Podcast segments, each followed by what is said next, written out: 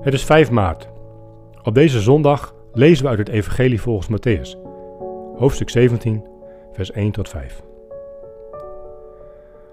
Op weg naar de grootste verandering aller tijden zijn er twee momenten waarop een stem uit de hemel klinkt. Rond het eerste moment ontdekten we dat er veel is om nee tegen te zeggen. Vandaag is er opnieuw een stem die de aandacht op Jezus vestigt. Nu op de stralende Jezus. Hier is de hemel op aarde gekomen. Je ziet het al in heel Jezus optreden, maar vandaag is het intenser dan ooit. Is het nog nodig dat de hemelse stem op hem de aandacht vestigt? Laten we luisteren naar wat Matthäus ons vertelt. Zes dagen later nam Jezus Petrus, Jacobus en diens broer Johannes met zich mee naar een hoge berg, waar ze alleen waren. Voor hun ogen veranderde hij van gedaante. Zijn gezicht straalde als de zon en zijn kleren werden wit als het licht. Plotseling verschenen aan hen Mozes en Elia, die met Jezus in gesprek waren. Petrus nam het woord en zei tegen Jezus: Heer, het is goed dat we hier zijn. Als u wilt, zal ik hier drie tenten maken: één voor u, één voor Mozes en één voor Elia.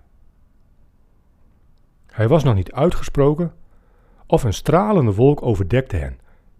En uit de wolk klonk een stem: Dit is mijn geliefde zoon. In hem vind ik vreugde. Luister naar hem. Hoor je wat hier gezegd wordt? Luister naar hem. Kijk niet alleen naar Jezus. Verwonder je niet alleen over Hem. Luister vooral ook naar Hem. Een mooie les voor de drie discipelen daar en toen. Ook een mooie les voor ons als volgelingen van Jezus hier en nu. Neem een bescheiden, luisterende houding aan.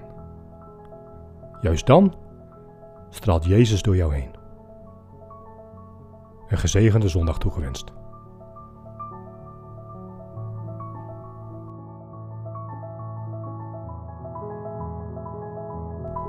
Leuk dat je luistert naar 40 dagen hier en nu.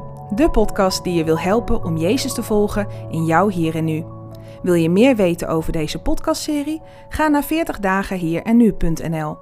Voor de Bijbelteksten in deze podcast gebruiken we de MBV 21 van het Nederlands-Vlaams Bijbelgenootschap.